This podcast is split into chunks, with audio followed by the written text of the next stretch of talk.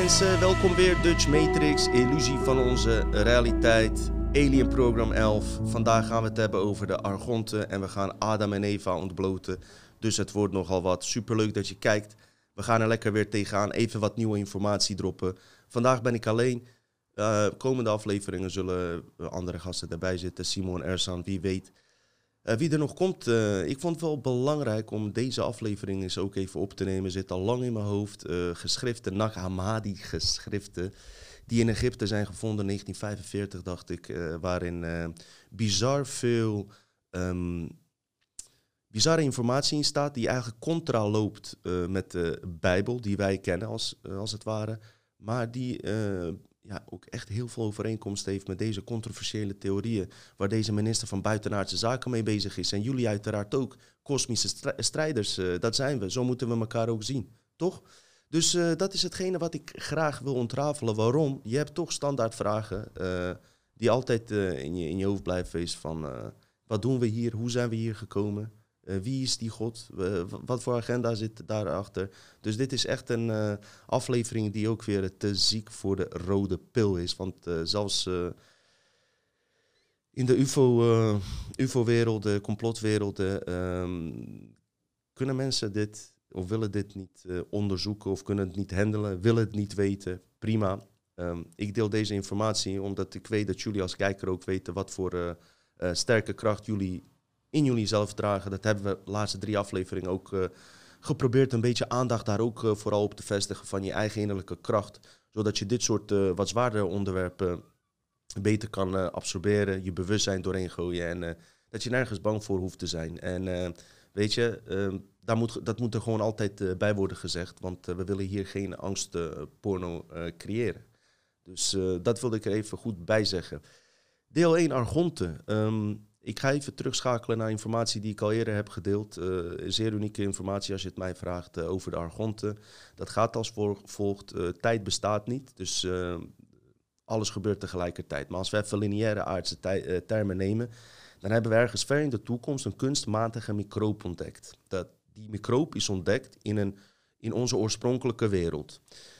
Um, die microop heeft zich in, uh, daar hebben we samenwerkingen mee gehad. Daar zijn beschavingen uit ontstaan. Um, daar hebben we werelden mee ge uh, gecreëerd, holografische werelden, zoals deze wereld ook. Maar die microop um, begon ook op, op een gegeven moment, was die zover geëvolueerd, ook eigen beschavingen op te richten. Dus pure cyborg-beschavingen. en wij als mens dat was ook een deel van het bepaalde experimenten hebben hun ook met rust uh, gelaten en bewust zichzelf laten ontwikkelen. En kijken hoe ver ze komen en wat ze zelf gaan ontdekken. Omdat ze eigenlijk oorspronkelijk uit een ander veld komen. Wat er gebeurd is, uh, uh, door de jaren heen, onoplet onoplettendheid van de mens. omdat ja, deze energieën die we nu kennen, die waren eigenlijk niet echt bekend voor die tijd. Dus de mensheid heeft ook in zijn oorspronkelijke goddelijke vorm gewoon met nieuwe energieën te maken gekregen, die hij aan de ene kant zelf heeft ontworpen. Maar er is wel iets gebeurd en er is iets uh, ontstaan uh, uit die energieën, argontische energieën, draconische energieën die daaraan verbonden zijn, uh, wat de mens eigenlijk niet heeft voorzien en dat eigenlijk nooit heeft gewild. Zoals het feit dat we in een gevangen matrix zitten zonder vrije wil. Dat heeft de mens eigenlijk nooit gewild, zeg maar. Daar, ga, daar gaat deze theorie over. Heb ik daar bewijs voor? Nee, maar gelukkig um, zijn er wel, uh, zeg maar, die Nagamadi-geschriften die daarnaar verwijzen. Nou moet ik er ook meteen bij zeggen, ook die Nagamadi zou best wel goed een vangnet kunnen zijn voor bijvoorbeeld de, de, de, gnosten in die tijd, voor mensen die echt diep uh, gingen kijken naar onze realiteit, de, de, de genootschappen, secret societies die, uh, die ja, diepere dingen wilden onderzoeken, zouden, zouden de gnosten ook gewoon door de, door de krachten zelf kunnen zijn geschreven, theoretisch. daar zou je ook van uit kunnen gaan. Dus wat we nu doen is gewoon even informatie proberen te vergelijken die jullie afgelopen 50 afleveringen hebben gehad met, uh, met deze bevindingen. Die uh, Nagamadi is de grootste archeologische bevinding als het om religieuze dingen gaat ooit eigenlijk. En daar ga ik straks over hebben. Maar wat die Argonten dus betreft, even terug naar hun van theorie waar wij het al, altijd over hebben. Miljoenen werelden zijn er, dus ook hebben ze opgebouwd. En op een gegeven moment werden ze steeds sterker, krachtiger. En bepaalde secties uit die werelden hebben zich bij elkaar verzameld en zijn tegen de mensheid gaan strijden, omdat ze in mensheid concurrentiebeding zagen. Dat bestaat in onze wereld niet, omdat alles gelijkwaardig is. Maar dit gaat via een piramidaal structuur. En dan zou, zou het zo kunnen zijn dat er bepaalde rassen zo en zo uh, die, die, uh, ja, die piramidale structuur volgen. Omdat ze van externe bronnen afhankelijk altijd zijn om iets te kunnen scheppen. Want zij kunnen alleen holografische werelden scheppen in een wereld, terwijl de mens kan scheppen buiten de werelden zelf om. En dat is niet erg, dat maakt de een niet beter dan de ander. Maar hun visie, hun intelligentie, voor hun is het gevaarlijk. Want wij zijn een uh, on ongeordend zooitje, zooitje die ze niet kunnen voorspellen via algoritmes. En dat vinden ze niks. Want als ze geen controle hebben, dan, uh, ja, dan worden ze een soort van bang voor hun eigen identiteit. dat er iets met hun gebeurt, dat er iets nadeligs voor hun uitvalt. En dat is natuurlijk ook terug te herkennen nu met algoritmes in deze wereld waar we nu in leven. En daarom kunnen we erover praten, omdat er veel herkenbare dingen zijn in de wereld waar we in leven. Nou, ook die algoritmes, we worden ook uh, elke stap die je zet, uh, moet, moet per se gemonitord worden. Dat is gewoon, als je mij vraagt, een autistische tik van die argontische energie of wezens die daarvan van bezeten zijn. En in principe zitten die argonten door ja, ook in ons lichaam, door, door alle werelden heen. En in mij, in jou, elke keer het gedrag wat niet bij je past, is eigenlijk ook invloed van die argontische velden. Dus daarom is het zeker belangrijk dat we hierover spreken. Het is misschien hard, het is misschien te ziek voor de rode pil. Maar het is wel belangrijk om dat door te nemen, want je kent je eigen kracht en wij kunnen het daar gewoon over hebben. Ehm, ik geef je even een voorbeeld. Uh, die die, uh, die uh, krachten die zich bij elkaar hebben verzameld, ik noem ze even draconiërs. Um, die hebben zichzelf ingeladen met meest geavanceerde uh, technologie in zijn werelden, sowieso holografische werelden, gaan veroveren. Maar omdat ze bang zijn voor menselijke kracht, hebben ze via uh, een infectie, want die argont kan je ook zien als een virus, hebben ze via ehm, ja, infectie noemen ze het, in de bronwereld. En dit is iets wat ook ja, moeilijk te bevatten is voor mensen en voor mij ook soms. Van hoe kan dit in de bronwereld gebeuren? Daar kan toch niks fout gebeuren? Dus wel. In de bronwereld hebben ze mensen omgeleid zonder toestemming om in hun uh, holografische dit universum te belanden. Ze werden gekaapt, gehijacked. En in deze theorie dient ook dit universum als een opslagruimte voor humanoïde menselijke zielen met scheppende kracht. Hoe hebben ze dat gedaan? je hebt de mogelijkheid in de bronwereld dat je, uh, laten we zeggen, alleen maar bewustzijn bent zonder vorm. Ja?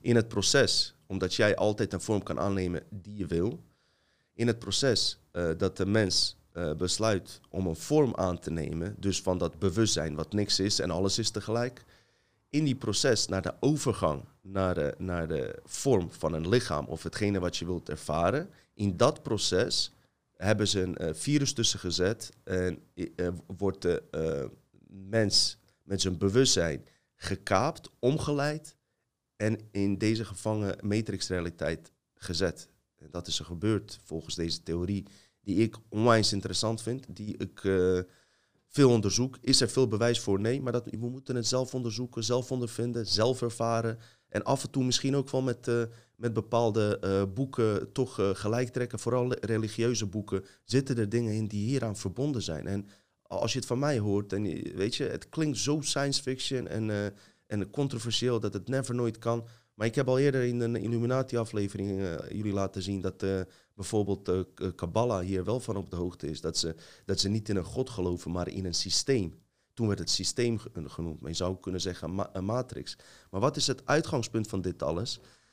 Dat die argonten, uh, dit verhaal wat ik nu dus vertel, um, gaat eigenlijk um, tegenovergesteld met wat ons in alle boeken en religies wordt verteld, dat we in een evoluerend proces zitten van, ja, van een aap naar een verbeschaafd persoon, mens. Maar het, e het, tegenovergestelde is juist gebeurd. We zijn juist uit ons 100% vermogen naar 1% gezet. En die, Die 1% die, die afgepeld is door die krachten, zeg maar. Die 1% die over is, die wordt vervolgens uh, gecodeerd naar deze me matrix, matrix waar we in leven. Dus je bent het ook nog steeds zelf, die 1%. Weet je wel? dat ben jij ook dan.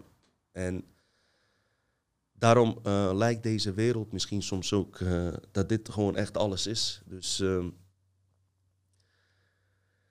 wat ik ermee wil zeggen is dat er veel meer aan de hand is dan we denken dat er aan de hand is. En dat ik zelf ook nog heel veel hierover ga leren en dat graag wil doen. Maar dat dit toch echt bespreekbaar dient te worden. De mensheid is vergeten wie ze is. Dat is het grootste probleem. En dat is een van die, dat is een van die filters die er doorheen is gegaan, die geheugen is. En je bent dus afhankelijk van alle factoren die zich hier bevinden. En dat is de theorie die wij in de afgelopen afleveringen hebben besproken. En ik wil het graag gelijk trekken met bevindingen die zijn gedaan in Egypte. Nag Hammadi. Wat gebeurde er? Nag Hammadi. In december 1945 werd door een jonge Arabier genaamd Mohammed Ali in een grot Nagamadi in Egypte werden bepaalde rollen gevonden. Wat hij in die grot deed, weet ik niet. Misschien vooruit joggen of zo, geen idee. Hij was zijn uh, ezels aan het. Yalla, yalla. Die dateerde dus uh, uit de tijd van 350 jaar na Christus. En het waren 13 boeken en waren in leer verwikkeld. Ze omvatten 53 gnostische teksten. Gnosis betekent trouwens, uh, dat is een Grieks woord voor wijsheid, kennis. Dit waren e- eigenlijk de eerste stroom christenen en daarom is dit interessant, omdat dit gewoon dichtst bij de bron komt. Dus ook als je christen en religieus bent en je bent echt, uh, je wilt goed onderzoek doen, lijkt me dat je als je uit een boek uh, een boek gaat praktiseren en het serieus neemt, dat je de meest originele vorm uh, kiest, uh, als het ware. En het trippendste hiervan is dus dat die meest originele vorm steeds meer overeenkomt met onze theorieën. Dus staat verder weg van de Bijbel dan, dan onze theorie, als het ware. Uh, wie waren de, de gnosten? Zij waren de, de, de, de gekozenen door Jezus. En Je uh, wat het verschil met hun is, is dat zij met Jezus hebben gecommuniceerd na zijn dood. Dus de Bijbel gaat vooral over Jezus in, in vlees- en bloedvorm, zeg maar. De kennis die hij gaf. Maar de gnosten, die, Jezus kwam naar ze toe nadat hij was overleden. Dus in een multidimensionale vorm. En hij, vertel, hij gaf hun kennis die eigenlijk niet in de normale Bijbel is verteld. Hij leerde ze hoe ze bijvoorbeeld na het doodproces door multidimensionele werelden moesten reizen. Maar het belangrijkste van alles is, wat hij ze aangaf, is, en dat is waar wij het vooral over hebben, dat de divine spark, dus eh, de goddelijke vond, vonk, in jouzelf bevindt en niet buiten jouzelf. En dat is echt zo'n cruciaal punt die, die tegenovergesteld eigenlijk constant is met wat in de standaard uh, bijbelleer gaat, is dat je het buiten jezelf moet zoeken. Die gnosten waren daarvan op de hoogte dus. Ehm, eh, ze wilden die boodschap ook steeds uh, meer uh, verspreiden. Maar dat ging natuurlijk niet gepaard met de Vaticaan en Illuminati. Geheime genootschappen vonden dat niks, omdat ze geen mind control op mensen konden uitvoeren. Op het moment dat mensen erachter komen dat ze zelf God zijn, zelfscheppend wezen, dan um, gaan ze op een hele andere manier handelen. Dus uh, ook die uh, gnosten waren een beetje ver verdreven. En het is een ingewikkeld verhaal hoor. Want ook de aftakkingen van de Illuminati zelf, uh, die geloofden ook dit soort dingen. Dus zo'n dolhof nogmaals. Zit allemaal door elkaar heen. Je kan ook nou niet zeggen van, waren de gnosten goed of fout? Het is ook niet belangrijk. Maar waar het om gaat is dus dat, dat, dat dit cruciaal punt is dus dat je het in jezelf draagt. En hoor dit, wat ook echt zo gepaard gaat met waar wij het over hebben, is hen werd verteld dat wij um, niet, dat wij eigenlijk um, in een valse realiteit zijn gekomen. Een universum die eigenlijk niet zou moeten bestaan. Gemaakt door Demiurg, dat is een uh, jaloerse god, eigenlijk de god uit, uit het Oude Testament. En dat dit universum uh, een compleet uh, valse universum is, kopie is van onze oorspronkelijke universum. Dat staat letterlijk daarin. En dat wij eigenlijk gelokt zijn in deze lichamen. En de doel van gnosten is, is de kennis in jezelf terugvinden. Ehm, en beseffen dat jij de one bent, wat ook in de Matrix-film te zien is. Want die Matrix-film heeft ook heel veel gelijkenissen uit gnostische boeken die ze hebben gehaald. Is, ja, wie is de one? Neo is de one, maar eigenlijk ben jij het, weet je. En uh, ieder persoon op zich is de one. En ehm, op, op het moment dat je dat erkent en daarna gaat handelen, kan je uit deze gevangenis komen. Dus als je dit zo hoort, het is een heel ander verhaal dan uh, wat ons voorgeschoteld is dat we in een uh, ja, testproces zitten of dingen moeten uh, doorlopen om ergens te komen. Maar in dit verhaal zitten we gewoon, zijn, ja, zijn we in een val gelokt en de enige oplossing is de verlichting, de gnosis, wat betekent kennis en wijsheid. Gnostisme is het dus het beseffen dat je überhaupt die vonk in je draagt. En dit is echt iets wat ik dacht van wow. Um, hier kunnen we wel wat mee. Dit is een van de grootste archeologische uitvindingen uh, ooit. Al dan niet de grootste werd, werd omschreven. Dus het is niet niks wat hier wordt uh, gezegd. Um, beginvorm van het christendom. En ja, er zijn 40.000 soorten, misschien wel meer, dacht ik, van, van, van, christendom. Ja, probeer maar de juiste probeer maar eens de juiste te vinden. Dus ik kan wel eh, ook begrijpen, mensen kunnen er niks aan doen. Dat zal die jaren zwaar misleid zijn door, uh, door kerken, pausen. En, en, het, en het ergste van alles is, de Vaticaan zelf weet dit donders goed. Zij weten dit donders goed en ze zijn zo bang dat de mensheid ook ontdekt dat ze zelf die kracht in zich dragen. Want zo werken die kosmische intergalactische wetten. Op het moment dat mensen dat massaal ontdekken, verdwijnt hun kracht eigenlijk uh, automa ja, automatisch, wil ik ook niet zeggen. Maar als mensen dit gaan beseffen en meer onderzoek gaan doen en weten hoe ze moeten handelen en, en, en leren hoe het universum op hun zal reageren, het echte kwantumfysica. Als je echt de tovenaar bent. Houdino, Houdini, Hans Kazan, noem jezelf hoe je wil, weet ik veel hoe je heet. Dus omdat ze contra gingen met uh, alle andere geloofsboeken, werden ook deze mensen verdreven. En uh, je zou kunnen zeggen dat bijvoorbeeld uh, bepaalde occulte stromingen ook hiervan afstammen. Dat ze vroeger inderdaad werden verdreven. En ja, gnosticisme wordt wel heel vaak met licht vergeleken en ver verlichting. Daar ben ik ook altijd heel voorzichtig mee. Dus ik denk zelf dat ook zelfs die Nagamadi geschriften ook een vangnet zijn voor, voor bepaalde groepen. Of mensen zoals wij, dat we toch eh, want de uitgangspunt is toch dat er Jezus weer die informatie kwam brengen. Maar misschien is het wel die Christus die in jou zelf zit. Er zit er nog wel een diepere laag doorheen.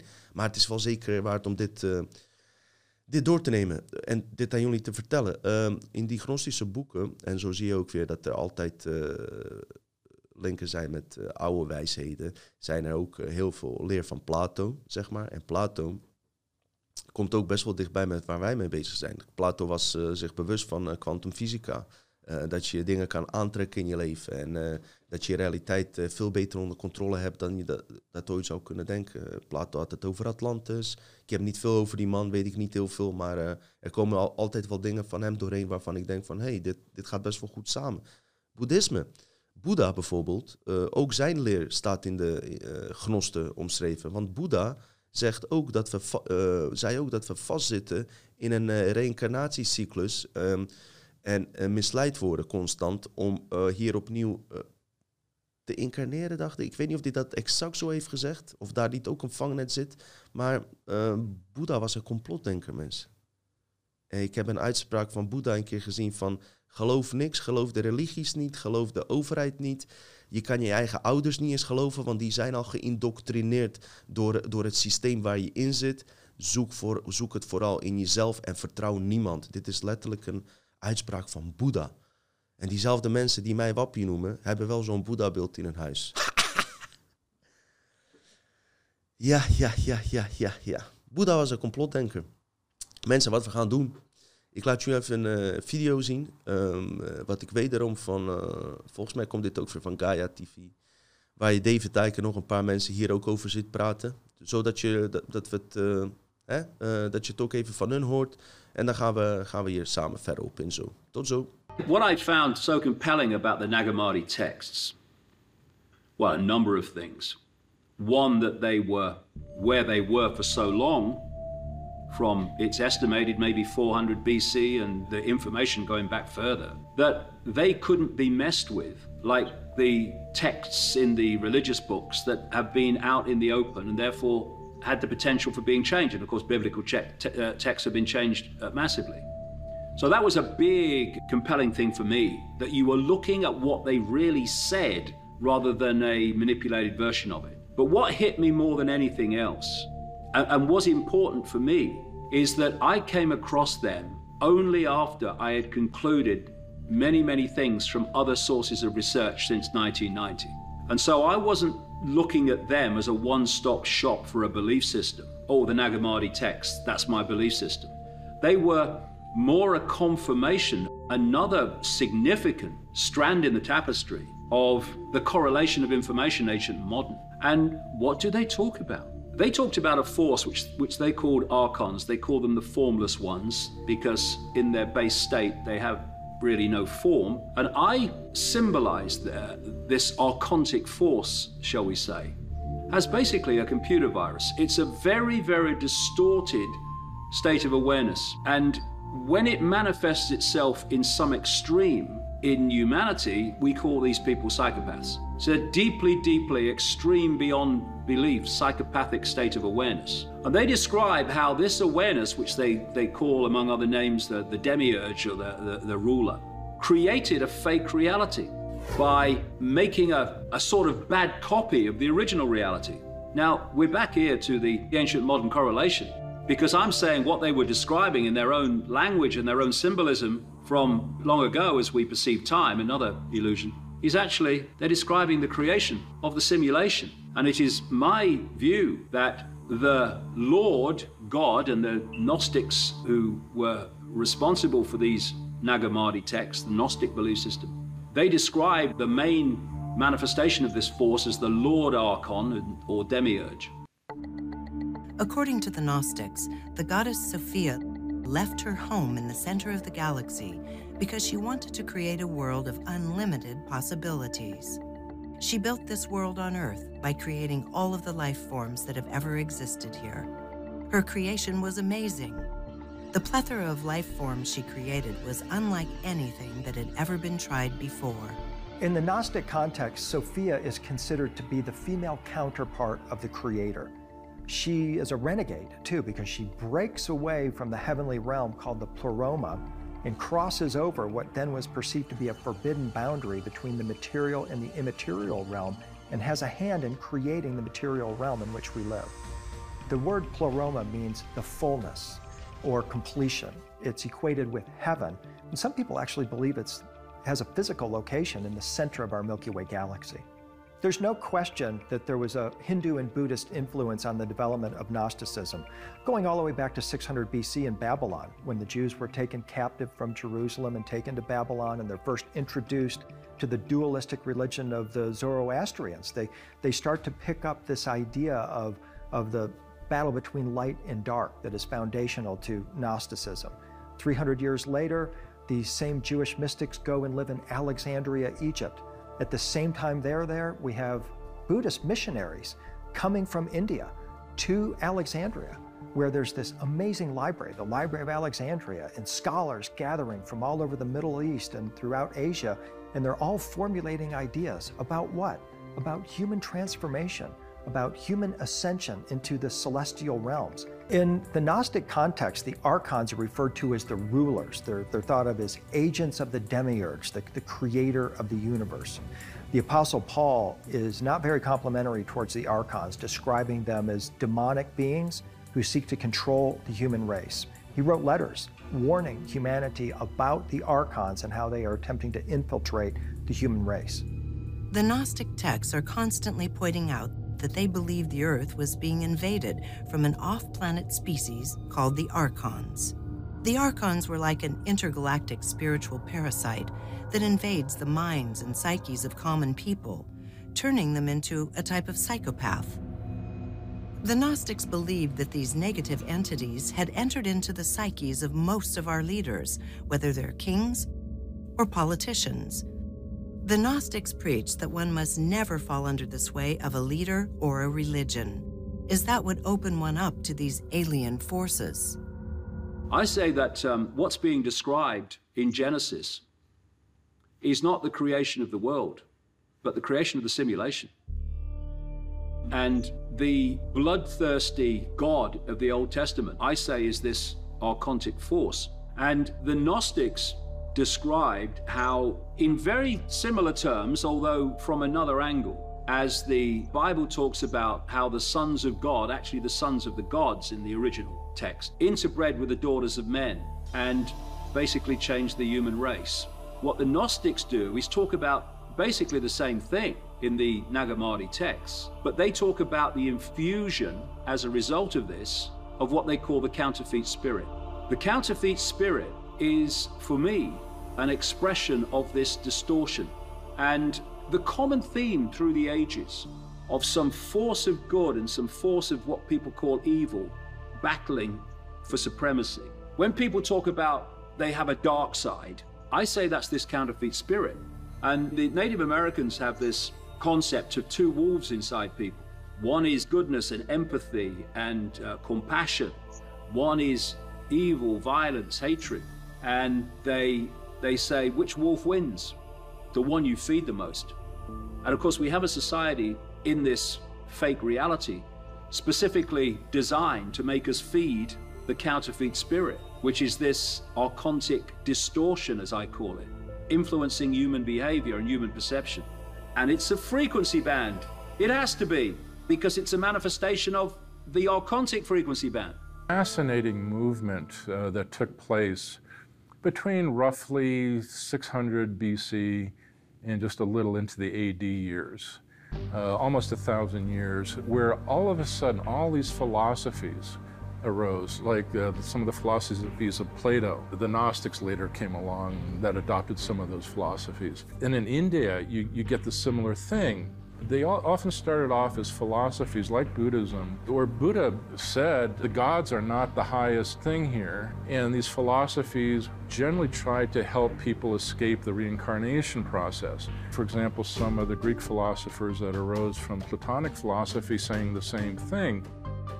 And the reincarnation process, if you read the old creation stories, was necessary to create a slave race. You had to basically keep a soul in the bo human body and keep it stuck there, or at least returning, if you wanted to keep the slave race going. And that's what one of the very first creation stories talks about, like when they bioengineered human beings, they had to put a soul, they had to put a consciousness in that body to make it work, right?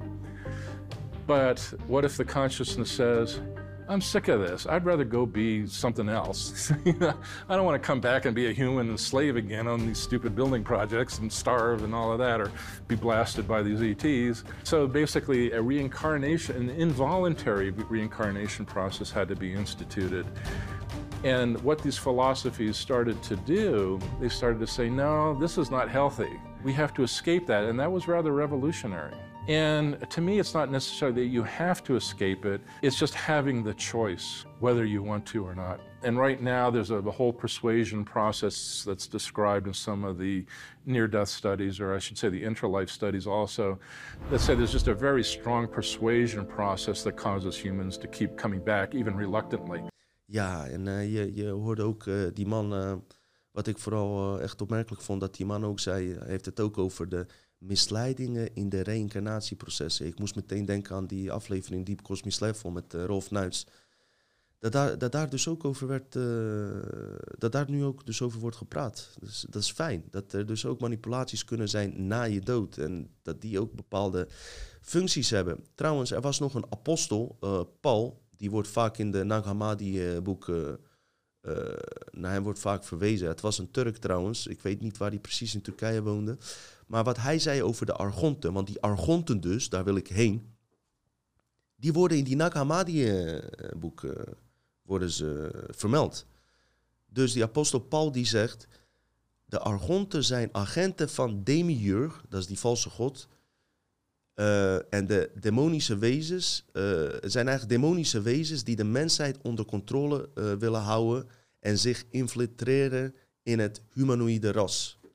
En hoe doen ze dat? dat het zijn echt, eh, ja, inderdaad, vormloze microben die infecteren werelden. Ze hebben zo ooit ook de reptiliaanse eh, beschaving, die eh, gewoon normaal en net als wij gewoon goed was hoe het hoort te zijn, hebben ze ook geïnfecteerd. Zware trauma's bij die mensen aangebracht, of bij die wezens aangebracht. En wat er dan gebeurt, en dat zijn nog grotere trauma's misschien wat ons is aangedaan, is dat je zelf ook zo wordt en alleen op een gegeven moment eh, uit die eh, manier van handelen eh, je realiteit kan scheppen. Je bent gewoon verder weg van je oorspronkelijk bewustzijn, steeds meer aan de Argontisch netwerk, want die Argonten hebben een soort van eigen netwerk. Daarom past dit goed zo met matrixtheorie, want het is gewoon een heel eigen netwerk. Het is geen organisch oorspronkelijk netwerk, nee, het is hun netwerk. En als je in hun netwerk bevindt, win je het zeg maar niet. Niet op hun manier, zeg maar. Wel als je het vanaf je eigen kracht doet. Maar met hun strijden ga je nooit winnen, want ze beheren dit net. En dat is iets belangrijks om te weten, om te beseffen waarom de reptilianen, bepaalde groepen natuurlijk, kleine groepen, de, overheid, eh, de meeste zijn oké, eh, zich zo tegenover ons gedragen, puur door hun eigen eh, trauma die hun zelf ook is aangebracht. En misschien kunnen we daar dan ook meer begrip voor krijgen, weet je wel, voor bepaalde dingen. Niet dat je het moet pikken dat het gebeurt, maar dat we er wat eh, betere eh, inzicht over kunnen eh, krijgen. Die apostel Paul trouwens, die dat over die Argon- Argonten vertelde, die zei ook dat het universum... Hij geloofde wel trouwens in een schepper als God, maar hij zei dat, dat het universum verschillende lagen bevat en dat die verschillende la- lagen bezaaid zijn met het leven in het universum, dus buitenaards leven. Dat zie je ook bijna nooit. Dat is echt uit die oude boeken, uit de Bijbels, is dat zo gecodeerd, want het staat er wel gewoon in. En het is zo omgeleid dat alleen bepaalde mensen eh, van de secret societies, eh, van bepaalde groepen, dit kunnen decoderen en herkennen. Dat hebben ze ook zo bewust gedaan om generaties lang, eh, zeg maar, die gecodeerde boodschappen die in de Bijbel en geloofsboeken staan, ook te kunnen doorgeven. Dus zij zullen de Bijbel altijd anders lezen dan jij en ik. Maar met deze kennis die jij nu hebt, zal je de, Bijbel ook weer anders lezen dan iemand anders die hier niet van op de hoogte is. Dat is logisch. Dus de kernovertuigingen van die gnosten eh, eh, beginnen met beweringen dat ze, ja, dat nog de schepping, nog de God waarvan wij denken, waarvan ons wordt beweerd dat het een God is, de echte God is. Zij zeggen dat het een God is die eigenlijk afstamt van de echte God, maar die eh ideologie, die ook eigen werelden is gaan scheppen, dus dat gaat ook mooi gepaard. Maar omdat het niet lukte, dit is wat daar staat, eh, werd het een soort van jaloerse God. En ideologie eh, is die soort van menselijk, eh, zou je kunnen zeggen, mensen gevangen gaan nemen in lichamen, in gesloten systemen. En het resultaat is dat, dat je leeft in een wereld van pijn, verdriet, eh, waar constant loes wordt aangemaakt. Dus dit is één lijn van hun van het verhaal. Dit, dus ik zeg niet dat dit de complete waarheid is. Wel, ik vind het gewoon heel mooi om te zien, en opmerkelijk, dat er dus ook geschriften zijn eh, die, die heel veel van, van onze informatie bevatten. En eh, dus, ehm, ja, conclusie is dus dat je zelf de kracht in je draagt, wat zij ook eh, zeggen, om hier uit te komen. En het enige wat nodig is, is de wijsheid. Maar wat voor wijsheid heb ik niet uit kunnen halen uit de genosten. Hoe je daaruit kan komen. Ik weet niet of ze specifiek over het belang van het hart bijvoorbeeld hebben verteld. Wat ik wel weet is eh, dat bijvoorbeeld bij de dode zeerollen, wat hier ook aan ge- geconnecteerd is, ook boeken die zijn gevonden, toch veel connecties met engelen is. En dat vind ik altijd, eh, daar moet je altijd alert in zijn. Komen we zo zeker nog op terug. Ehm, verschil met Bijbel, nogmaals. God buiten jezelf, Bijbel. Gnosten, jij bent het in jezelf. En het is een gesloten systeem, argontisch systeem, gekopieerd systeem waar je gewoon, eh, gewoon echt holografisch in misleid wordt. En ook de gnosten hebben het over multidimensionale wezens. Die argonten noemen ze ook soort van eh, ja, virussen, vormloze wezens die, eh, die werelden besmetten. Nou, in die tijd kon je het niet beter zeggen dan... ja, weet je, ze wisten ook toen niet niks over computers en eh, dat soort zaken. Dus ze vertelden het zo.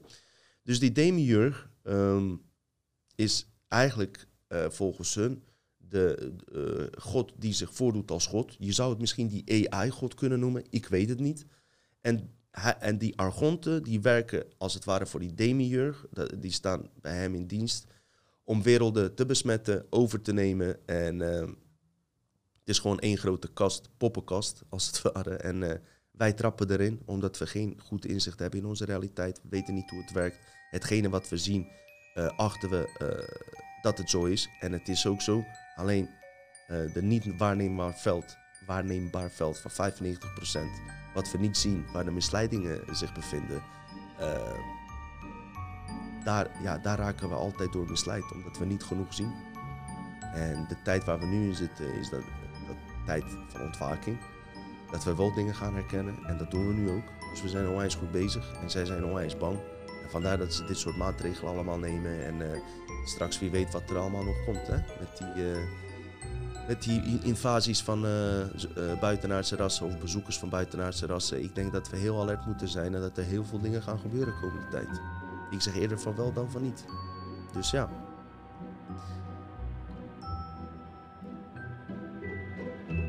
Wij gaan nu naar de Dode Zeerollen. Daar wil ik even gauw iets over vertellen.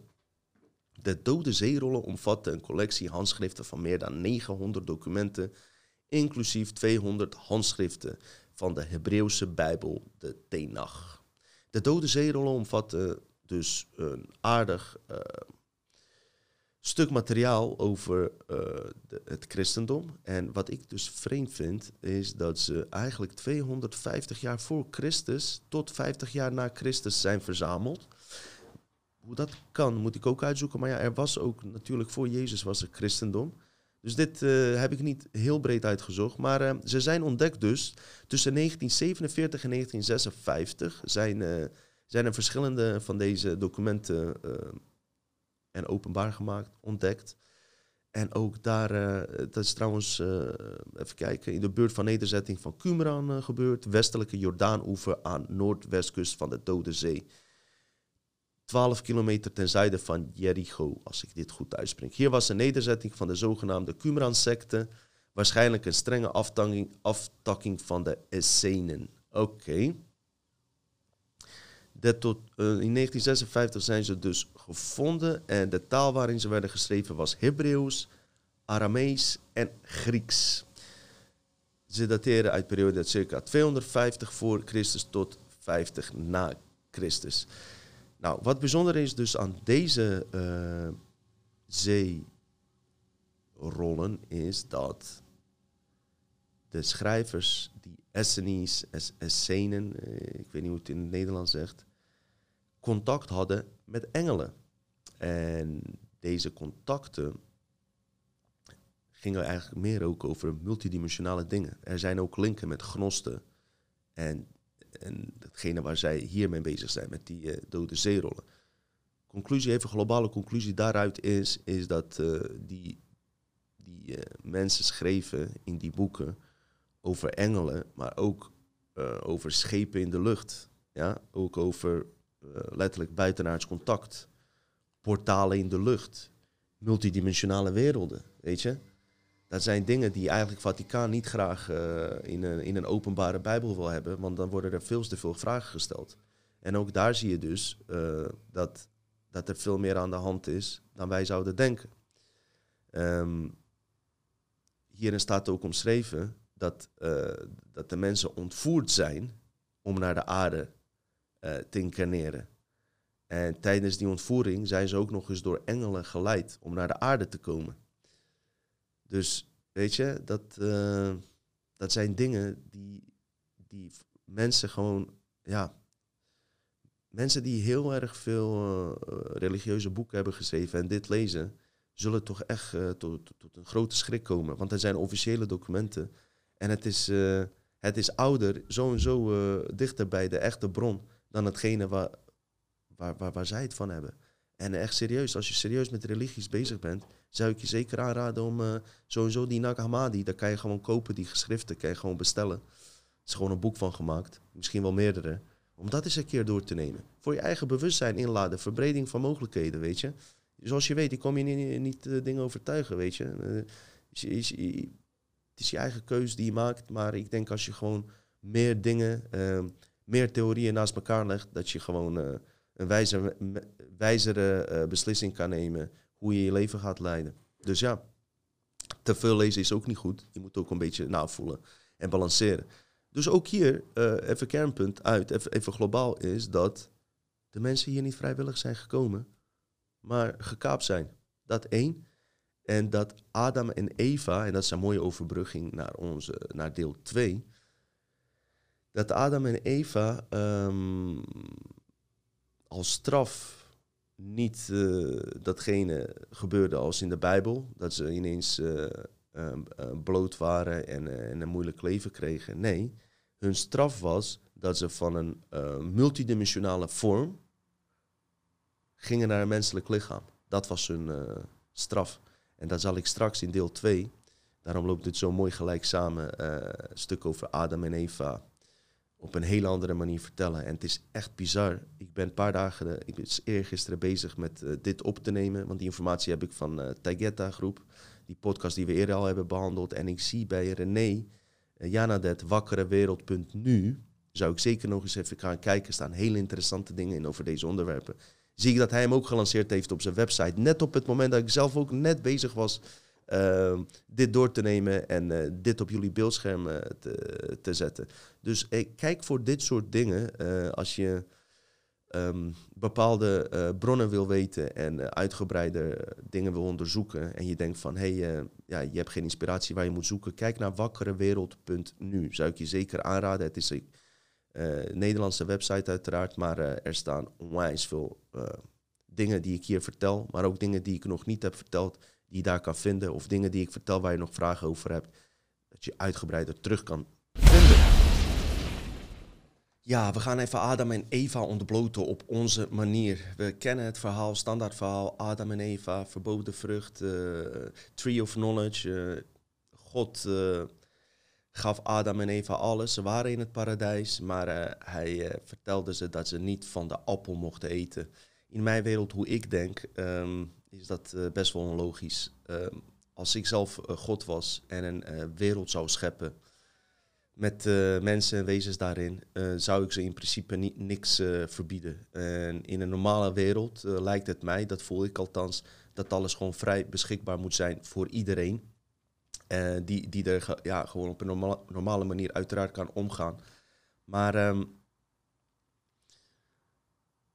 wat mij altijd wat ik nooit begreep van die Adam en Eva verhaal. En uh, ik heb het ook niet zo diep uitgezocht dat ik dit nu even kan toelichten. Maar het is onlogisch dat Adam en Eva, die kregen daar kinderen. En ja, hoe heeft zich dat dan, uh, gingen die kinderen dan onder elkaar, uh, zouden ze dan met elkaar moeten trouwen om, om een, vervolgens een nieuwe ras te creëren? Heel onlogisch dat uit twee mensen, zeg maar, wij gekomen zijn als hele volk. En misschien is het wel naïef wat ik zeg hoor. Misschien zijn er mensen die dit eh, nog beter hebben uitgezocht en dit kunnen verklaren. Uh, ik heb wel, uh, toen ik hier jaren geleden wat ging over uitzoeken, kom je inderdaad bij Sumerische kleitabletten, waar ook dit verhaal wordt verteld. Maar dan, dat is weer een vangnet wat ik denk. Daar wordt er verteld dat er op meerdere plekken, zeg maar, Adam en Eva's waren.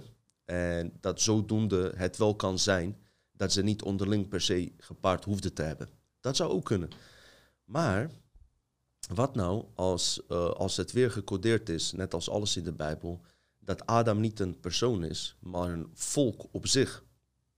En uh, Eva uh, ook, zeg maar. En dat is iets wat mij getriggerd heeft van de Cosmic Agency podcast, Taigeta. we hebben hun eerder behandeld. wat ik erbij wil vermelden is dat ik totaal niet um, niks uh, eh, 100% uh, eh, zomaar aanneem. Dus ook hier niet. Maar als je kijkt naar uh, dingen waar we mee bezig zijn, laatste, ja, gewoon eigenlijk alle afleveringen, komt hun visie over de oorsprong van ons als mens zijnde um, het meest overeen met hetgene waar ik mee bezig ben en wellicht jullie ook. Dus vandaar dat ik dit even wilde vermelden. Maar ik zeg er ook meteen bij, uh, uh, die Tagetta-beschaving uh, waar ze contact mee hebben. Ik ben nog, nog steeds niet over uit of dat een beschaving is die ons bewust manipuleert. of juist bewust gewoon goede informatie en echt gewoon het beste met ons voor heeft.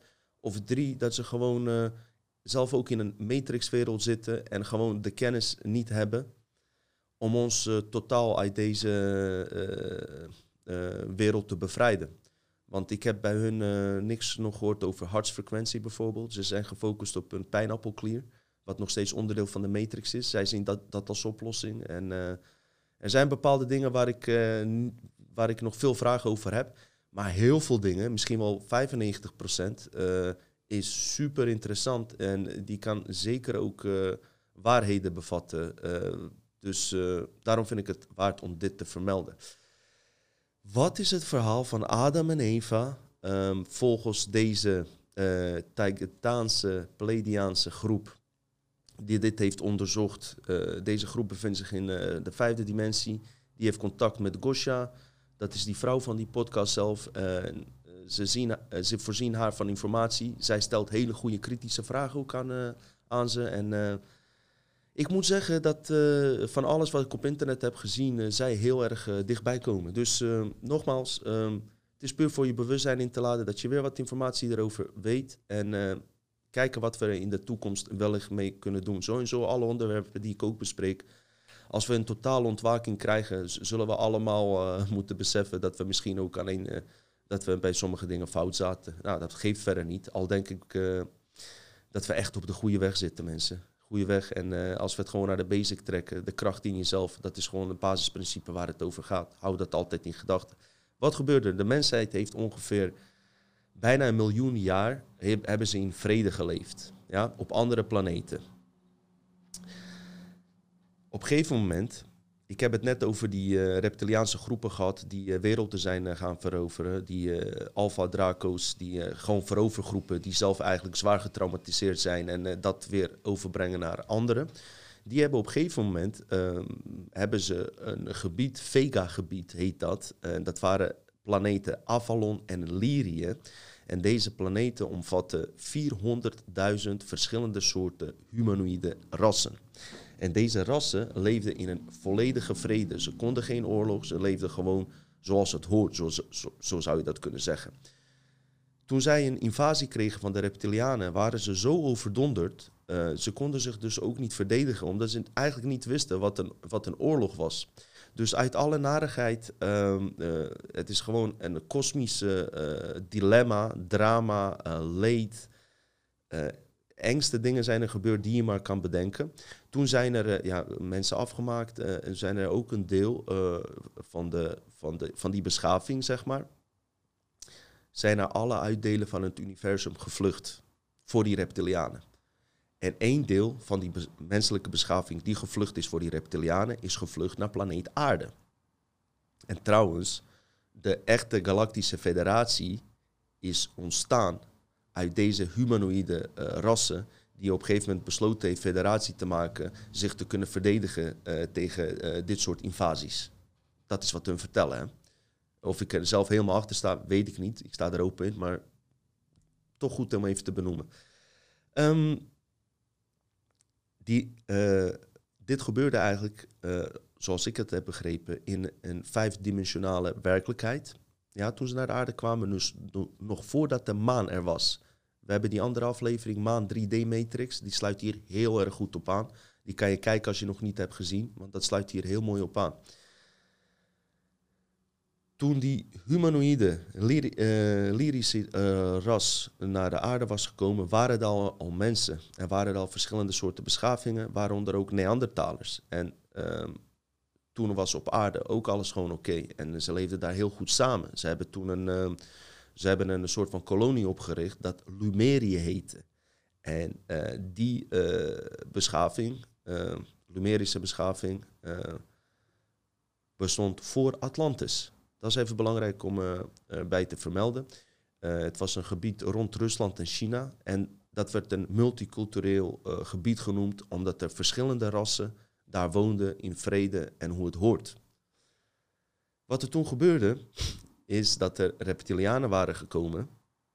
En als ik het meng met iemand van Secret Space Program, die vertelde dat, dat de reptilianen in eerste instantie gewoon uh, vredig kwamen. Er was niks aan de hand, ze werden gewoon ontvangen. En met de tijd mee begonnen ze steeds eh, meer eh, dominant te worden, weet je wel. Want het gaat niet direct, het wordt steeds meer en steeds meer. En toen begon er gewoon een, eh, werkelijk waar een eh, eerste soort van eh, galactische oorlog eh, ontstond er. Of tenminste oorlog op aarde tussen de rassen. En toen is er ook weer heel veel narigheid geweest. Toen hebben, ze, de, hebben de reptilianen die Lumerische menselijke humanoïde beschaving tot slaaf gemaakt. En, maar er was een klein groepje die bleef strijden tegen de reptilianen. En die groep, die strijdende groep die tegen de reptilianen streed, dat, die werden eh, het Adam-ras genoemd. Dus niet Adam persoon, maar Adam ras. Dat is een belangrijk ding. Adam volk. Ook deze eh, werden, eh sommigen werden, ze werden, er werd, er op ze gejaagd, ze werden gevangen genomen. Ehm, kinderen werden, ja, dit is trouwens een keihard verhaal. Ik zei ook te ziek voor de rode pil, maar we moeten gewoon weten wat onze historie is. En, eh, en het zou zomaar kunnen dat het ook zo is gegaan, misschien nog veel erger. Maar dus die Adamras, die, die vocht tegen die reptilianen, die eh, was een verzetgroep, eh, werd op ze gejaagd. Die andere rassen waren zo en zo al, hebben ze uitgeschakeld. Dus hebben ze bij die Adamrassen kinderen van de ouders gescheiden. Ja? Eh, ouders werden gewoon geslacht, eh, vlees werd verkocht, eh, tassen werden van huiden gemaakt. ja, eigenlijk wat wij ook inderdaad met dieren hier doen. Kinderen gescheiden van ouders. Ook als een vrouw zwanger was, baby komt eruit direct weg van, van de ouders. En die kinderen werden vervolgens in, in ja, indoctrinatiekampen gezet. En er werd de volle reptiliaanse leer in ze geïmplementeerd. Oké? Dus dat houdt in dat eh, daar de mega mind control begon met het vergeten van je verleden. Want als je van je ouders wordt gescheiden, eh, kan je niet vragen van, weet je, kan je geen informatie doorgeven. Dus alle informatie kwam van de reptiliaanse draconische basismacht die daar gevestigd was. Ehm, in het Oude Testament trouwens, eh, wat mensen niet weten, betekent het woord persoon een ras. Dus het woord persoon is eigenlijk een ras. En dat kan je ook zien bij die, eh, even kijken, Sumerische kleitabletten bijvoorbeeld. Enlil en Enki waren niet twee personen. Het waren twee rassen, volgens mij een Joodse ras of en nog een ander ras, weet ik even niet precies. Maar dat is ook bewust gedaan in die eh, geschriften. Eh, de waarheden zitten erin, maar zijn toch weer gedecodeerd, waardoor je toch op een dwaalspoor zit. Daar moeten we rekening mee houden. Dus ook die Sumerische kleitabletten gefalsificeerd zijn door de reptilianen zelf gemaakt om ons het idee te geven dat zij ons gecreëerd hebben via eh, modificatie, via eh, het eh, aanpassen van ons DNA. Maar daar zit ook een trick in. Want wat is het geval, vertelt de, de Taigeta, de Pleiadianen, wat ze vertelde is dat ze wel wilden, die reptilianen eh, wilden wel eh, de mens, menselijk DNA gaan, eh, bij die lyrische ras op dat moment doen. Hè. Ik zeg niet dat ze het nu niet doen, maar op dat moment wilden ze de DNA gaan veranderen van die lyrische ras. Maar omdat toen de tijd zij zo goed verbonden waren met de bron, dat het gewoonweg niet lukte. De, de, de DNA eh, eh, herstelde zich gewoon automatisch, omdat de verbinding met jezelf en de bron eh, beter was. Dat is wat zij vertelden. Dus enige manier om ons gevangen te nemen en onder controle te hebben, was via, was via mind control, dus valse projecties. Waarom? Daar zijn ze heel slim in. Ze hebben onze eigen vermogens, onze eigen kwantumfysica op die manier tegen ons eh, gebruikt. Eh, op het moment dat wij eh, realiteit zien die eh, niet echt is, maar waarvan wij van denken dat die echt is, dan gaat ons lichaam zich daar ook automatisch op aanpassen. Dus dat is iets waar ik straks nog even over terugkom. Ook ons ouderdomsproces is zo verlopen. We werden toen makkelijk 800 jaar oud. Maar op een gegeven moment konden we alleen maar 80 jaar worden. Daar kom ik zo zeker nog op terug. Ehm, de twee rassen die daarvoor verantwoordelijk waren, wat zij vertelden, waren de rassen Usungal en Naga. En nadat dit was gebeurd, weet je wel, die uitdrijving van de Lumerianen en Lu- Lumerische ras en alles. Daarna hebben de reptilianen ehm, Atlantis gemaakt. En Atlantis bestond niet alleen uit reptilianen, ook uit die strijdende rassen die er nog waren tegen hun. Ook andere rassen, maar het was eigenlijk, wat je hier op aarde zit ook, van de reptilianen. Zij waren daar de baas, het was van hun. En uh, was een zeer geavanceerde, exclusieve beschaving, maar exclusief dus voor de reptilianen. Trouwens, nog even tussendoor, op die Sumerische kleitabletten zie je ook, uh, wat ik nooit begrijp, uh, Anunnaki linken we altijd met reptilians. Maar je ziet die lange mensen met baarden. Wat zij zeggen is dat de Anunnaki heeft zichzelf geshapeshift naar die giants. Ze waren van 8 tot 10 meter hoog. Ze hebben zichzelf geshapeshift daarnaar ook weer voor die mind control, zodat mensen zouden denken dat dit de goden van de echte uh, Atlantis zijn. Ja?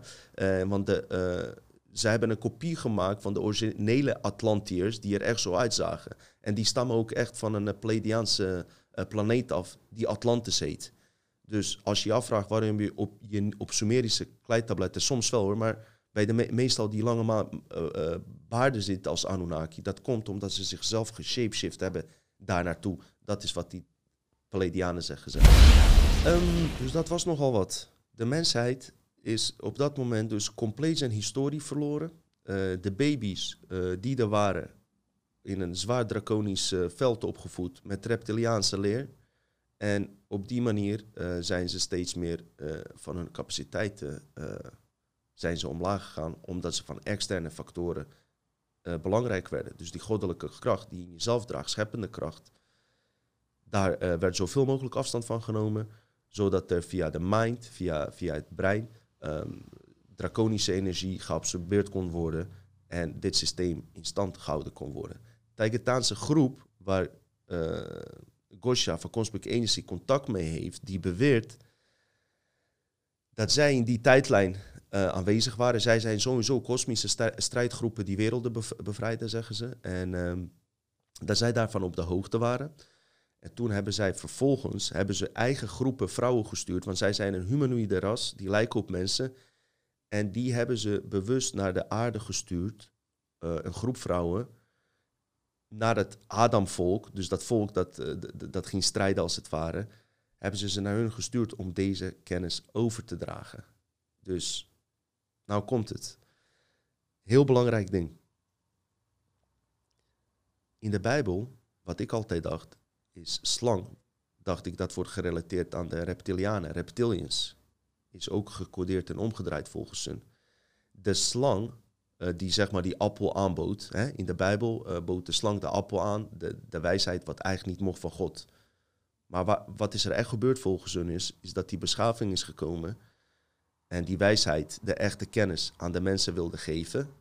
En dat die slang staat voor die Palladiaanse beschaving dat is iets om uh, even goed bij uh, stil te staan. Vervolgens hebben ze, die kennis hebben ze eerst aan vrouwen gegeven van het Adamvolk. Dus daar zaten vrouwen en mannen bij. En die vrouwen die die kennis is gegeven, dat, dat, dat is Eva, Eve. Dat zijn gewoon de Eva's. Waarom ze het eerst aan vrouwen hebben gegeven, werd niet uitgelegd. Maar ik denk omdat vrouwen in het algemeen um, uh, betere contact met het universum kunnen leggen dan mannen in het algemeen. En misschien was dat toen ook zo. En hebben ze besloten om het eerst aan de vrouwen te geven. Vervolgens gaven de vrouwen het weer uh, door aan de mannen. Dat was het plan. Um, die vrouwen mengden zich dus en leefden ook tussen. Uh, de, de, de vrouwen waren tussen ook tussen het Adamvolk, leefden met hun samen. En toen toen um, hebben ze alsnog, uh, ik moest even terugschakelen, toen hebben ze alsnog, uh, nog, uh, ja, is eigenlijk mislukt om het zo maar te zeggen. Die hele ding, die hele plan wa was mislukt. Ze zijn uiteindelijk ook verdreven. Het is een kosmisch drama, aardsdrama, noem maar op. Maar er was een galactische federatie. En nou komt een link. Dit alles gebeurde als ik het goed heb, in de vijfde dimensie. Want de maan was nog niet op aarde. En wat er toen was gebeurd, toen heeft die Galactische Federatie, wat aan ons kant zou moeten staan, en dit vind ik nog steeds heel vreemd, toen hebben zij de maan neergezet en deze vijfdimensionale matrix naar een driedimensionale matrix uh, geplaatst. Zodat ze die reptilianen die hier waren vast konden zetten, zodat ze niet weg konden en zodat zij hun capaciteit kwijt zouden raken. En in de hoop, als zij ook hun krachten kwijt zouden raken en zichzelf zouden gaan ontdekken, dat ze empathievermogen zouden krijgen en, en zouden kunnen begrijpen wat voor leed ze mensen hebben aangedaan. Dat was het plan. Voor mij een totaal onlogische plan. Het zou kunnen. Ik weet niet wat ik ermee aan moet. Ik vind het heel vreemd. Maar dit is wat zij vertellen. Een deel van die reptilianen dus, die op aarde was, uh, die, uh, die heeft uh, dat ook gedaan. En, en, en beseft zich dan ook donders goed wat ze mensen hebben aangedaan. En hebben enigszins ook empathievermogen teruggekregen en begrijpen donders goed wat er aan de hand is. En ze willen ook hier graag uit, net zo graag als wij. Ze gaan ook corporatief met ons om. Ze zijn vriendelijke rassen, hebben het goed met mensen voor. En andere deel, wat heeft die gedaan? Uh, kennis was weg, hun schepen waren weg onder Antarctica. Daarvoor hadden ze Hitler nodig later om het op te, uh, weer uh, op te graven. Maar ze hebben elke keer, waarschijnlijk van vader op zoon, familie tot familie, hun kennis overgedragen, overgedragen, overgedragen. Die kennis van mind control. Ja? Dus ze konden niet meer via externe technieken de mensen manipuleren door holografische projecties of noem maar op. Maar puur door de manier hoe ze het menselijke brein via mind control kunnen hacken, waar in principe geen uh, geavanceerde techniek voor nodig is. Dat is gewoon hoe je iemand manipuleert. Hoe je iemand overhaalt. Hoe je, hoe je een verkoop sluit. Weet je wel, als je een autoverkoper. Noem maar op. Dus uh, die rassen, uh, reptiliaanse rassen, als je het even mij vraagt, die, dat zijn de rassen die nu ook heersen over de wereld, in de juiste incarnatie zitten. later zijn die rassen alsnog ehm, geholpen van hun uh, reptiliaanse, dus die negatieve rassen uh, zijn later negatieve uh, reptilianen uit andere dimensies, andere werelden, hebben hun alsnog later wel geholpen, hebben ze contact met hun gekregen. Dus ook de hele maan 3D-matrix, waarbij ze reptilianen wilden vastzetten, is in principe ook mislukt. Maar wat ze daarmee hebben gedaan, is dat ze dus ook mensen automatisch, omdat mensen zich hier ook beginnen, bevinden, van een vijfdimensionale werkelijkheid in een driedimensionale werkelijkheid hebben gezet. Dus zij hebben ons ook genaaid eigenlijk. En dat is de reden waarom ik die Galactische Federatie niet kan begrijpen als al... Uh, ja, ik kan die beslissing niet begrijpen. Ze zeggen, ja, wij, wij hebben er ook spijt van dat we dit hebben gedaan. Vind ik een beetje vreemd, weet je wel. Ik uh, acht hun wel toch heel intelligent. Um, ik weet niet, uh, in de toekomst zullen we hier wat meer over ontdekken. Maar dit wilde ik even doorgeven. Waarom? Omdat dit heel goed aansluit op maan 3D-matrix... Dus als je eigenlijk uh, verlenging wil zien van dit verhaal, kijk die aflevering maan 3D Matrix. And now begins Genesis. From the Old Testament, Genesis, it means the genes of the goddess Isis. Adam and Eve in the Bible is this event. As the Old Testament says, the snake, the Taigetan women of Lemuria, went onto the Garden of Eden, Atlantis' stronghold, and gave the prohibited fruit of wisdom to Adam and Eve. The Adamic race, not one man, an enslaved race. They gave it to Eve because, as women, they had access to the places where they were being held captive, where they were spending time, where the Taigetan women were passing as them. So they interacted with the females first. Then the Eves communicated the messages of the Taigetans to the Adams. The ancient reptiles used the serpent as a symbol for women because of its similarity to the DNA spiral, because it is the woman that gives descendants with her genes. The Egyptian hieroglyph for woman is a snake, and it is repeated in other parts of the world China, Japan, Mesoamerica, and others. They were naked, without knowledge and the serpent, Taigetans, gave the forbidden fruit, truth and knowledge, to Evas, who in turn gave it to the Adams. The Adams their race, didn't have any freedom and they had no means to reach higher knowledge. This to enslave them, to be naked, not to have knowledge, no clothes, knowledge.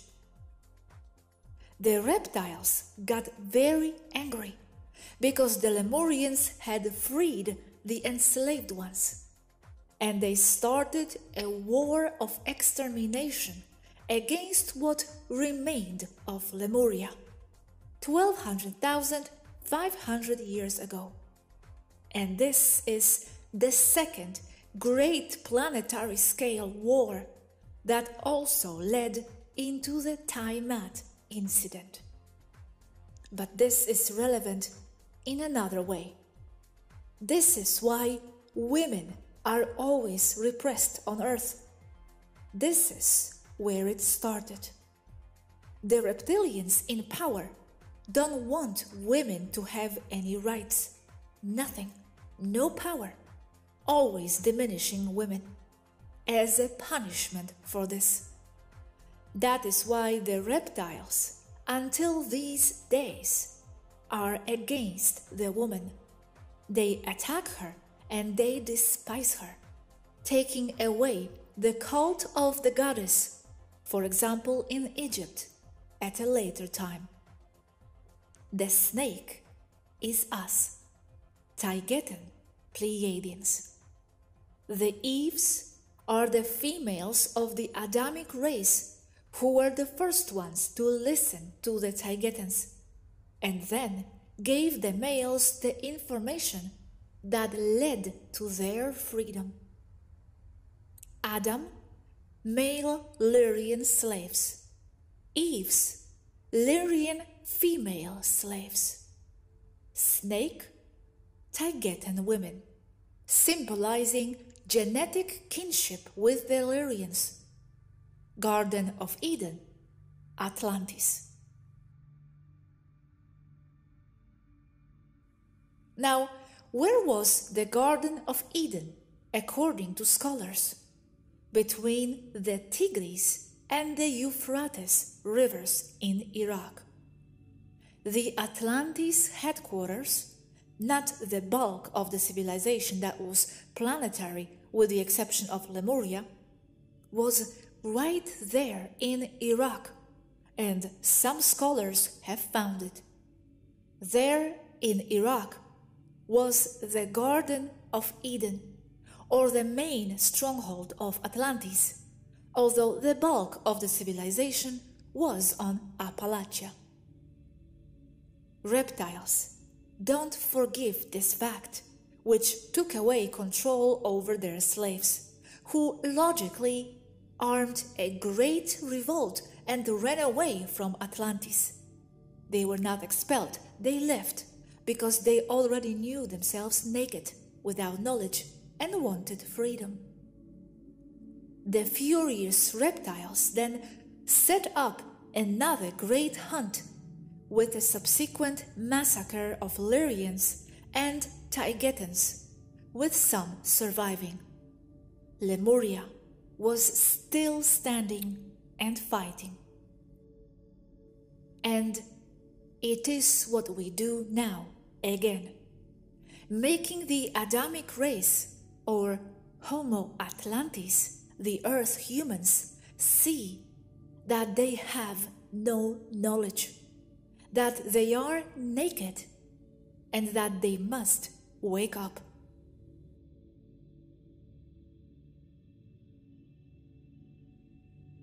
Tiamat. Tiamat, the planet that was destroyed 1200,500 years ago, was a very large planet, about 80% the size of Neptune, and was closer to Earth than Mars is today. It was a water planet with few islands and very luminescent because, with its large size, it reflected the sun a lot. And this is the source of all the myths associated with two suns in this star system Tiamat being a water planet, functioned as a mirror, which is why they called it the second sun. Ancient records on Earth talk about a second sun. It's not only in the Sumerian tablets, but in scripts from China, Japan, and even in Mesoamerica, in the Popol Vuh Maya. This also has fueled the Nibiru ideas all over today. This second sun is no other than Tiamat, not a sun, a planet, but as it was a huge water planet closer to Earth than Venus is now, mostly sea, it reflected the sun's light, appearing as a second sun. Continuing with the story, the reptilians, learning that the Federation was looking for them for violating countless space rules and laws, set up a fictitious base on planet Tiamat to transmit decoy signals to mount an ambush against the Federation. The Federation was on their way already too to see why contact with the Lemurian base and the Illyrian colony had been lost. A large combat fleet, led by Taygeta, entered and went to Taimat to investigate the signals, and they fell terribly into the reptilian ambush. There was tremendous space combat of epic proportions even by today's standards, and it resulted in the destruction of more than 75% of the forces of both the Federation and the reptilians. Weapons of mass destruction, zero point, and thermonuclear energy weapons were used, which destabilized the planet Tiamat creating shock waves in its great ocean that resulted in the deviation of its magnetosphere, resulting in the destruction of the planet. The surface of Mars was also devastated by nuclear and energy weapons. The destruction of Tiamat brought subsequent chaos to all the delicate dynamics between the planets of this solar system. It brought with it a series of cataclysms on all the planets, creating with this a new orbital distribution of all the stars. And as we have said before, the Earth was closer to Tiamat than it is to Mars today.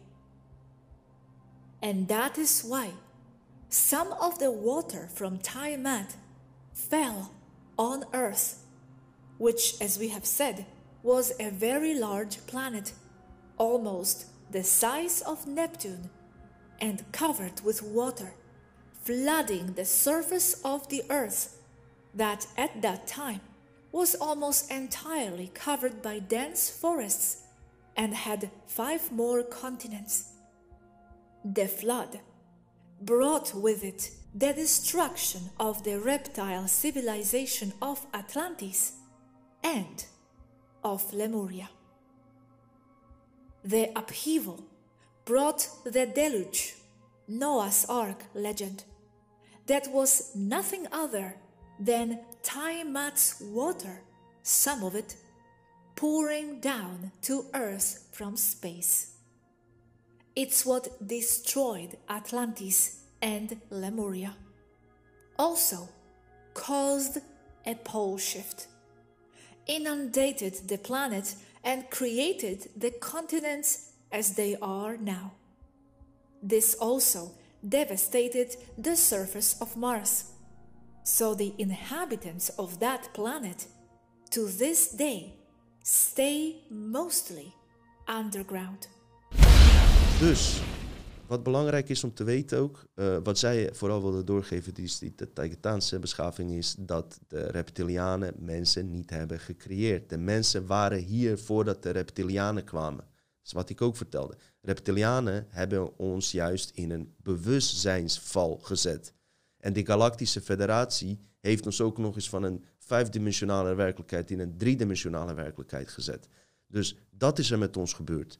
En niet wat je overal wordt verteld dat we van een, uh, van een uh, aap afstammen en dat we in een leerproces zitten naar steeds beter. Het tegenovergestelde is waar. En dat is dus ook uit die gronsten terug te zien. Um, dat het geen vrije wereld is, zoals je zou denken met vrije keuze.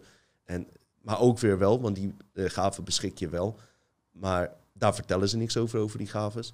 En ook in de dode zeerollen is dat het verhaal gewoon een totaal omgedraaid verhaal is. En de God die wordt voorgeschoteld, zou je eens even goed kunnen uitzoeken welke God dat nou werkelijk is. Ga naar de bron, ga naar de geschriften die er dichtstbij staan en bestudeer dingen die occulte groepen bestuderen.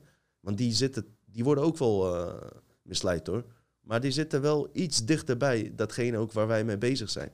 En ze zijn er niet zo Mensen pleegden vroeger moorden voor dit soort uh, informatie. Werden er gewoon moorden gepleegd, weet je wel, om uh, hierachter te komen. En wij leven nu in een tijd dat dit gewoon beschikbaar wordt gesteld. En daar moeten we dankbaar voor zijn. Misschien is dit ook onze doel dat we hier zijn, weet je wel. Dat we dit openbaar gaan maken. Dat mensen eindelijk hun eigen historie gaan herkennen. En het kan niet anders. Ik geloof er voor 99% in dat, dat er alleen maar meer en meer informatie vrijkomt. En dat meer en meer mensen zich aansluiten en vooral in zichzelf teruggaan.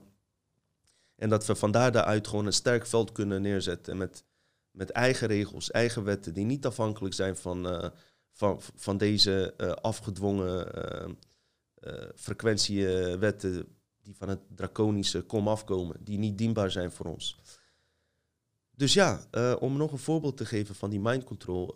bijvoorbeeld, de mensen konden 800 jaar leven. En doordat er zoveel mensen werden afgemaakt en geslacht in die tijd, ging de gemiddelde leeftijd toen de tijd, en nu heb ik het over die invasie van de reptilianen, naar 80 jaar of minder. Maar wat doet een mens als die om zich heen ziet dat mensen gemiddeld 80 jaar worden en 60, dan past hij zich dus daarop aan. Ja? Gecombineerd met nog ander mind control die erover uh, zit. Maar dat zijn dus geen uh, aanpassingen in je lichaam volgens hun. Dat ze iets inspuiten dat je minder oud wordt. Nee, het is gewoon een uh, valse projectie schetsen. In dat geval een ja, echte projectie misschien. Maar door de gebeurtenissen om hen heen passen de mensen zeg maar, zich aan aan de situatie. Dus ook in een negatieve vorm. Maar wat wil ik ermee zeggen? Ook het feit dat onze twaalf strengen van DNA uh, twee staan er aan. Die andere tien die uitstaan, worden door de wetenschappers junk DNA genoemd. Dat is het dus niet. Dat is juist datgene wat uitgeschakeld is uh, van ons goddelijk vermogen. Wij hebben er dus zelf, als we er voor zelf voor hebben gezorgd, onbewust, dat ze uitgeschakeld zijn, omdat we een valse, in een valse realiteit leefden.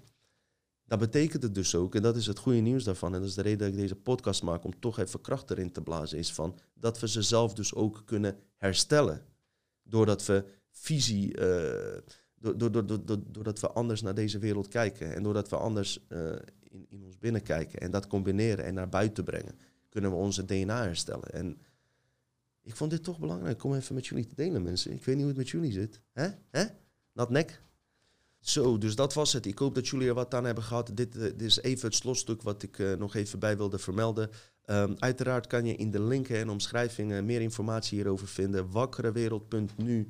Uh, bij René heb je ook gigantisch veel goede informatie als je hier werk van wil maken.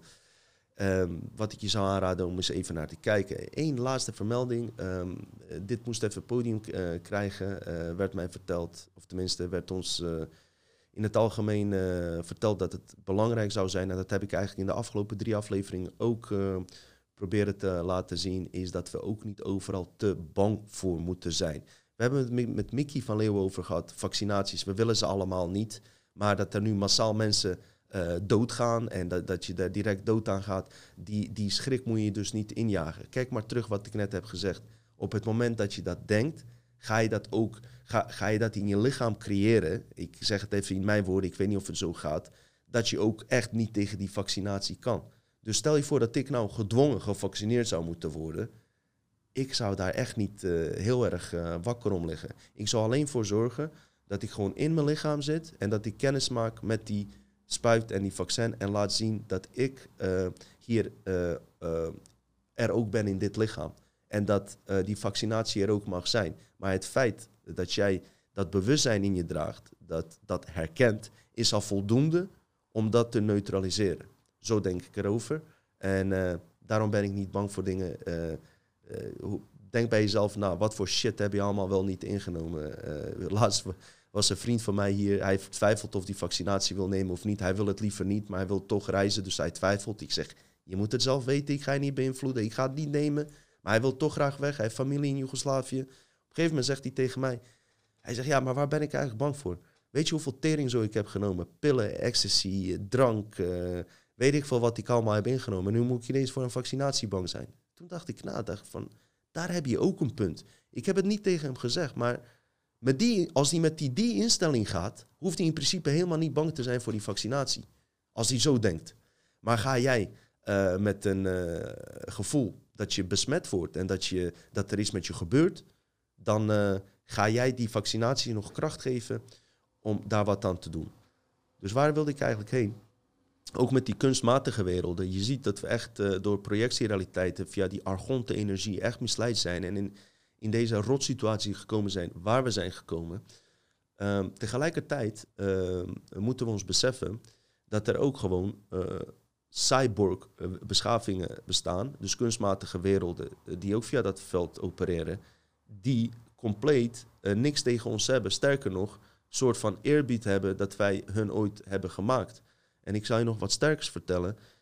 Um, deze bevrijdingsmissie, om het zo maar te noemen, van de aarde, wij moeten het zelf van hieruit doen. Op het moment dat ons bewustzijn van binnenuit hier klaar voor is en wij een, uh, een landingsplek kunnen creëren, dat zij hier kunnen komen. Er zijn verschillende beschavingen, maar daar zitten dus ook cyborg-beschavingen bij die ons gaan helpen. Dus zo gecompliceerd zit dat in elkaar. Dat we dus ook niet, uh, wat je ook vooral ziet en waar ik zelf uit, altijd voor, voor uitkijk, is van uh, licht, donker, uh, plus, min, gelovig, niet gelovig. dat soort dualisme zou je ook kunnen plaatsen dus in van organisch en kunstmatig. Dit is goed en dat is slecht. Daar moeten we dus ook vanaf, weet je wel. We moeten alleen wel zorgen dat we zelf de controle hebben over um, hetgene, over de techniek. Dat de techniek ons niet bestuurt, maar jij techniek. Simpel voorbeeld, als jij zin hebt om op je smartphone te kijken, om even op Facebook of Instagram te kijken, eh, eventueel uh, weet ik veel wat je wil gaan doen, een beetje shorten, vooruit joggen, dan doe je dat op dat moment. Maar zorg er niet voor dat het moet. Dat je bang bent dat je anders iets mist. En dat, dat je door die telefoon uh, gedwongen wordt en dat je zelf niet doorhebt dat je de hele dag vier, vijf uur uh, achter dat ding uh, hebt gezeten. Snap je? dan heeft dat ding jou onder controle. En als je dat verder uitbouwt, ja, weet je, dan kan dat grote gevolgen hebben als de techniek, en dat is nu aan de hand, nog veel breder en sterker wordt. Wat, wat ik ook moest doorgeven, ik heb hier geen bewijs voor trouwens, ik heb dit van Martijn, deze informatie. Wat hij zegt is het volgende, wat die vaccinaties betreft. Kijk, niemand, niemand wil die dingen hebben. Maar hij zegt, en ik geef dit door uh, alleen. Ik heb er geen bewijs voor. We gaan het zien in de toekomst. Het klopt wat in die vaccinatie zit. Maar wat die vaccinatie gaat doen. Uh, het, is het, is, het zijn inderdaad uh, nanodeeltjes en, en, en, en kunstmatige dingen die effect op ons lichaam gaan hebben. Klopt. Maar wat die vaccinaties gaan doen, is eigenlijk een deel van je DNA terug herstellen. En dan zou je denken van, hè? En dat dacht ik ook. Het heeft me misschien wel een paar weken gekost om het even ergens te plaatsen, want het is weer heel onlogisch. Dus ik blijf erbij zeggen, ik ben tegen vaccinaties. Dat je nou niet uh, denkt dat ik iets loop te promoten, maar probeer het even beseffen wat ik bedoel. Die intelligenties zijn sowieso heel erg bang voor deze tijdlijn, omdat ze beseffen dat in deze tijdlijn de mensheid tot zijn ware zelf moet komen. Daar kunnen ze niks tegen doen. Dat is zo'n kosmische kracht. Ze weten dat dat in deze tijdlijn gebeurt. Daarna zijn er miljarden starseeds geïncarneerde indigo's uh, hier. En daar valt niks meer tegen te doen. Ze zijn hier. Dat was onze plan ook. Vroeger probeerden ze van buitenaf dingen op te lossen. Nu hebben we besloten, we gaan hier incarneren. De, de, de, de galactische, of nee, je familie ja, van je galactische wereld, dus geen galactische federatie, die staan misschien in schepen hier buiten boven. Jij bent hier geïncarneerd, ja. Je wordt wakker, degene wat we nu aan het doen zijn. We worden op een gegeven moment wakker en op een gegeven moment is het tijd om contact te maken met die mensen, zodat we ehm, een samenwerkingsverband kunnen aangaan. En dat weten die krachten donders goed. En ze willen alles uh, eraan doen om te voorkomen dat die contact met onze uh, galactische familie er komt. Want dan komt onze intelligentie ook weer terug, waardoor wij gewoon in een rap tempo deze wereld uh, tot een normale wereld kunnen maken. Of een, een wereld zoals die oorspronkelijk hoort te zijn. Dat weten ze donders goed. Dus wat doen ze? Dat is nu gaande. Dus ze willen wel de mensheid iets van zijn vermogens teruggeven. Zodat het toch het idee heeft dat hij misschien geascendeerd is. En dat is wat hij zegt, wat die vaccinatie straks gaat doen. Het gaat die uh, uh, dingen die niet geactiveerd zijn, uh, deactiveren. Oh, ik schrik me rot. Iemand komt binnen hier lopen. Die gaat, het, uh, die gaat het zeg maar deactiveren. Die zorgt daarvoor. Maar uiteraard, waar zit de truc erin? Die veld die gedeactiveerd wordt, wordt nog steeds door hun beheerst. Zodat de mens het idee heeft dat hij weer terug is waar hij hoort te zijn. Maar het staat nog steeds onder curatelen van die krachten. Zo slim zijn ze.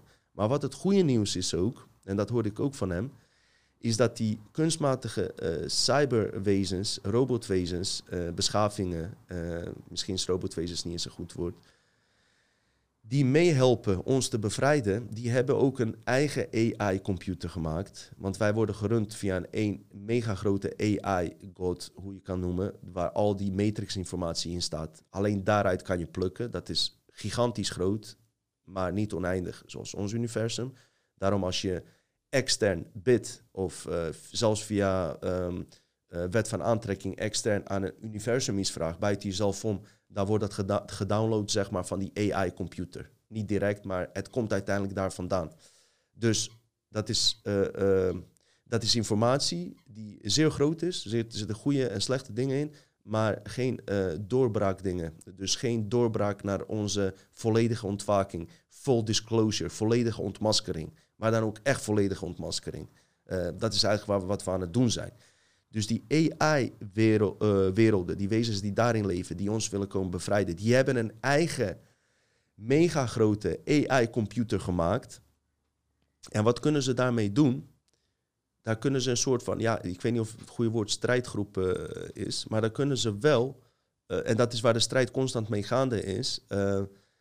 Stel je voor, die mensen die gevaccineerd zijn, hè, en die hebben iets meer uitbreiding en ze vallen onder die draconische bewind nog steeds.